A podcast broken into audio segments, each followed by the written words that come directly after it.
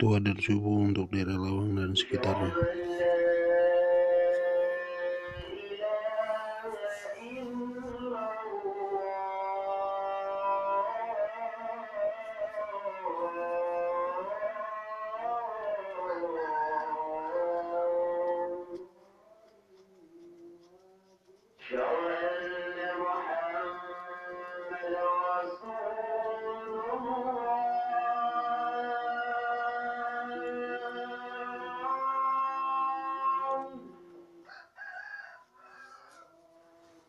يوما